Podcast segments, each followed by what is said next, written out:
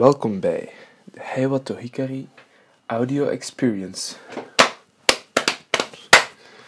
Welkom bij episode 3 van de Heiwato Hikari podcast. Ik ben uw gastheer Alander Hendricks en vandaag praten we over initiatieven, de kosteneffectiviteit ervan en samenwerking, wat dat allemaal inhoudt.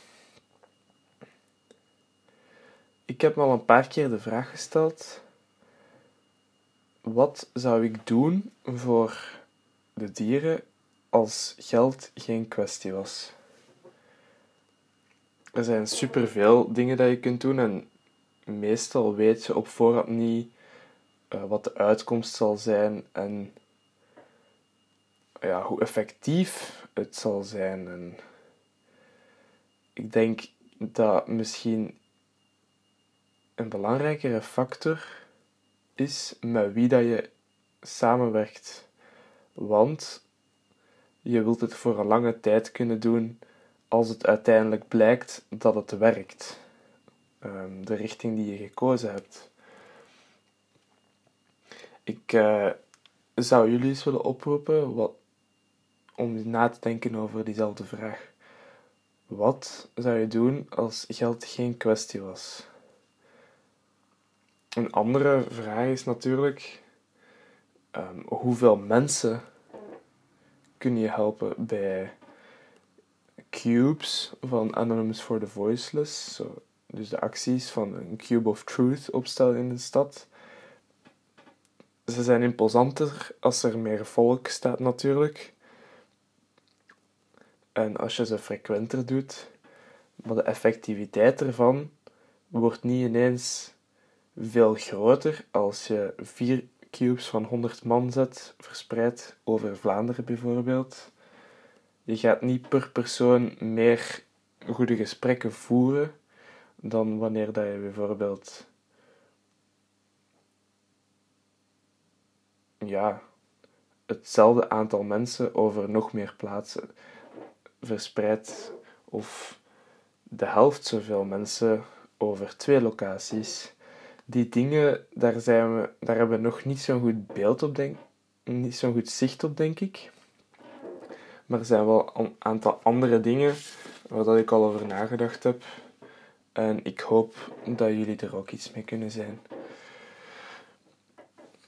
Voor mij, toen ik mezelf de vraag stelde wat zou ik doen als geld geen probleem was en als aantal mensen die willen helpen geen probleem was, toen ik daarover nadacht, kwam ik meestal tot de conclusie dat ik eerst mensen wou zoeken waarmee dat ik een fundering wou opbouwen.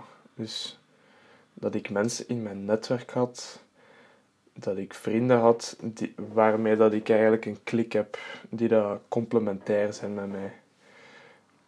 Um, in, in, ons, in een hoofdstuk van een vak dat ik gehad heb op school um, ging het over ja, strategieën van conflictresolutie. Dus als uh, mensen het niet eens zijn over iets of er moeten keuzes gemaakt worden en niet iedereen zit op dezelfde lijn, wat zijn dan de strategieën dat er zal gedaan worden? En dit komt sowieso voor, zeker als je op lange termijn iets wilt bereiken met meerdere mensen.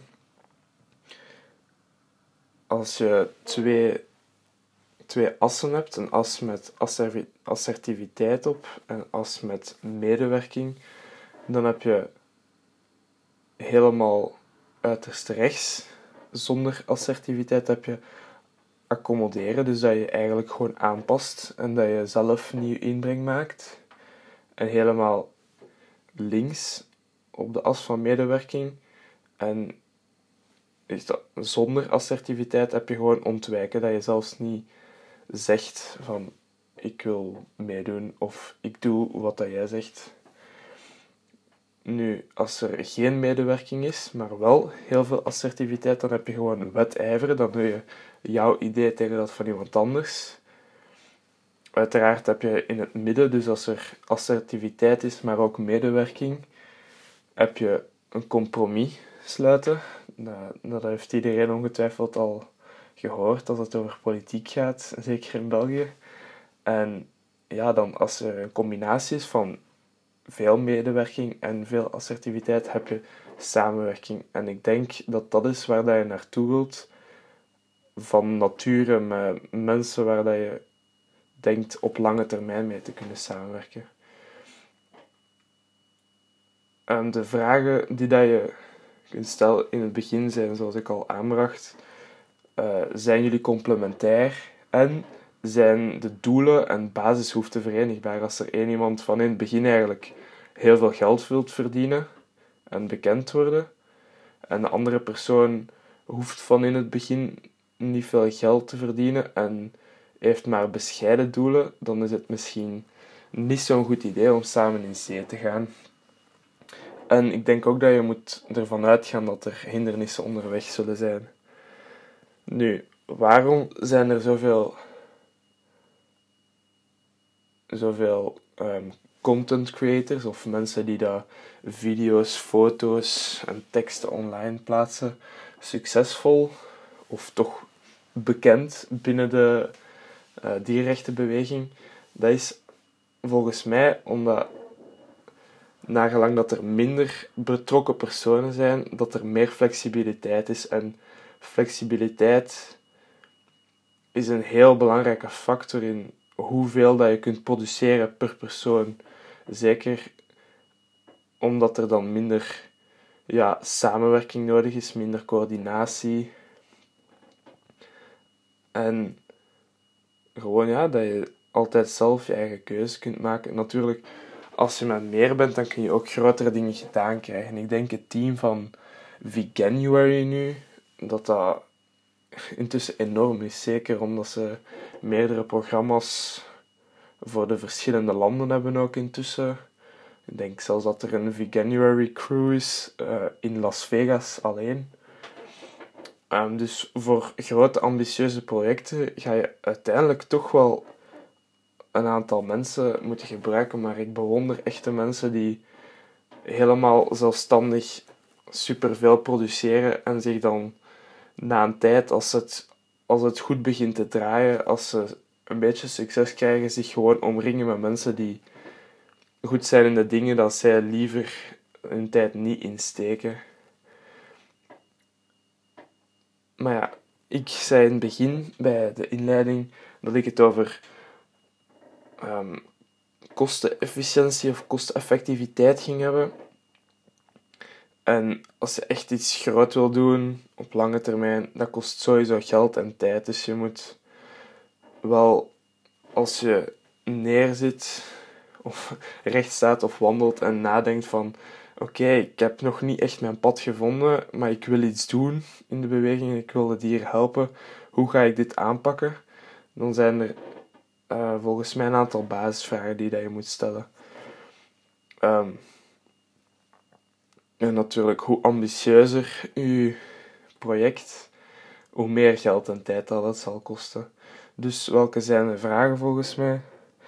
Uh, waar ben je goed in en wat interesseert je?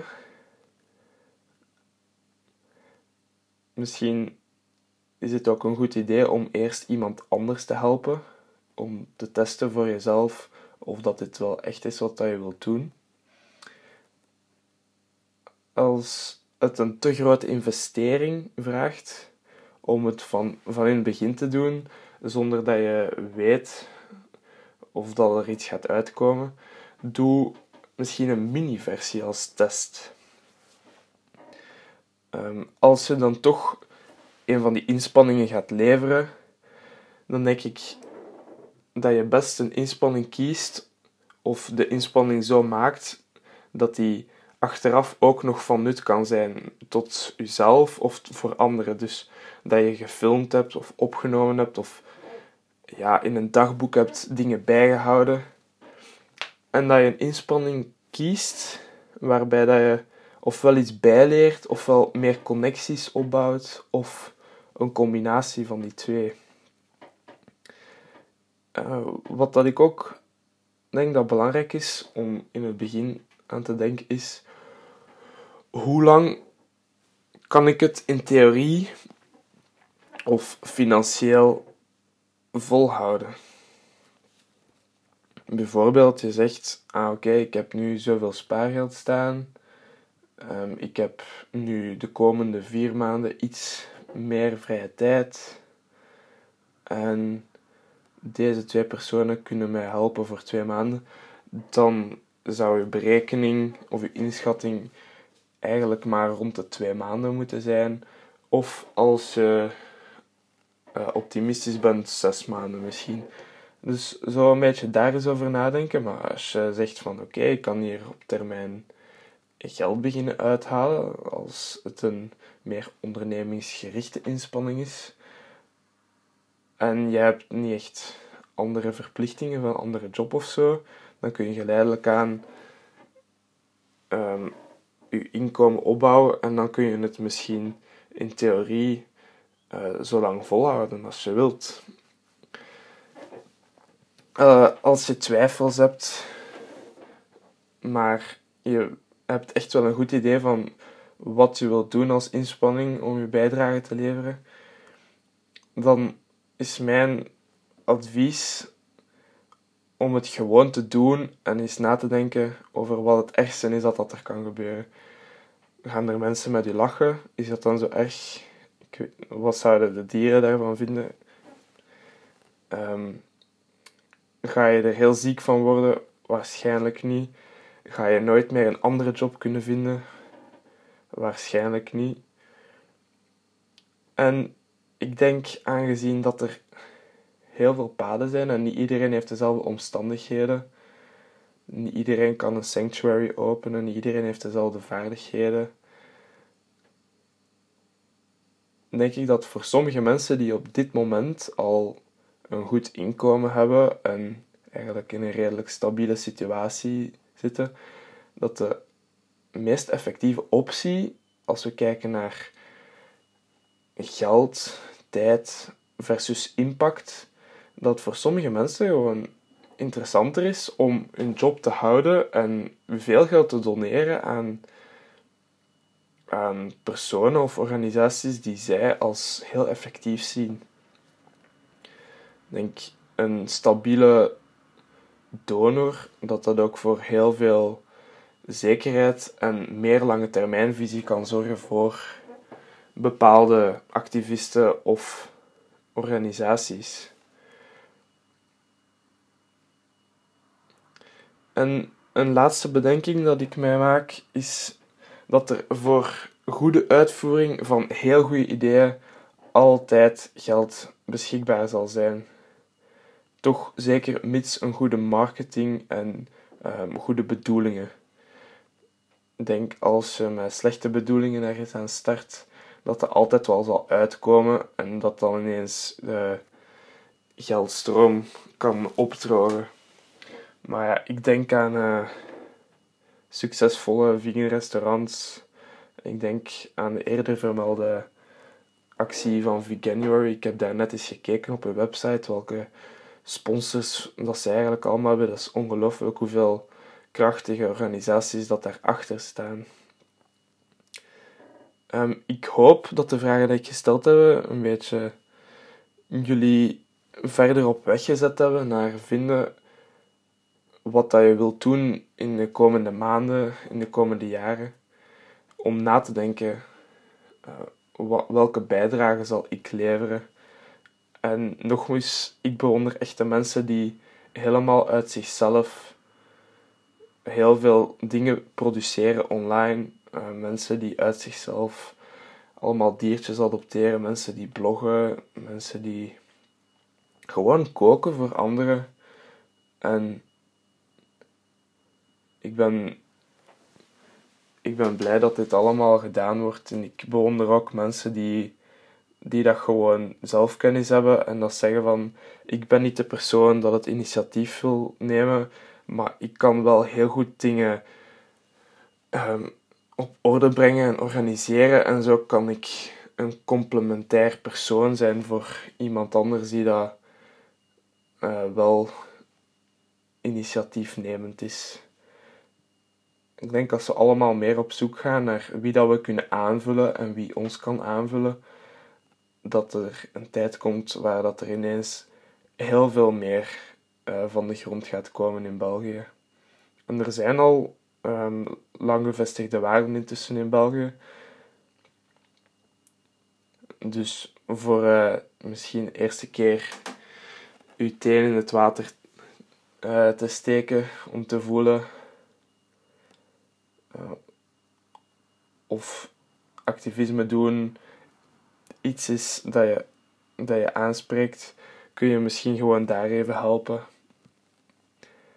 Maar je zult natuurlijk altijd meer gedreven zijn volgens mij als het iets is dat je zelf mee van de grond geholpen hebt. Bedankt voor het luisteren naar de derde episode en laat het alsjeblieft. Geef het alsjeblieft door aan iemand dat je denkt dat deze podcast ook interessant zal vinden. En hopelijk tot in de volgende.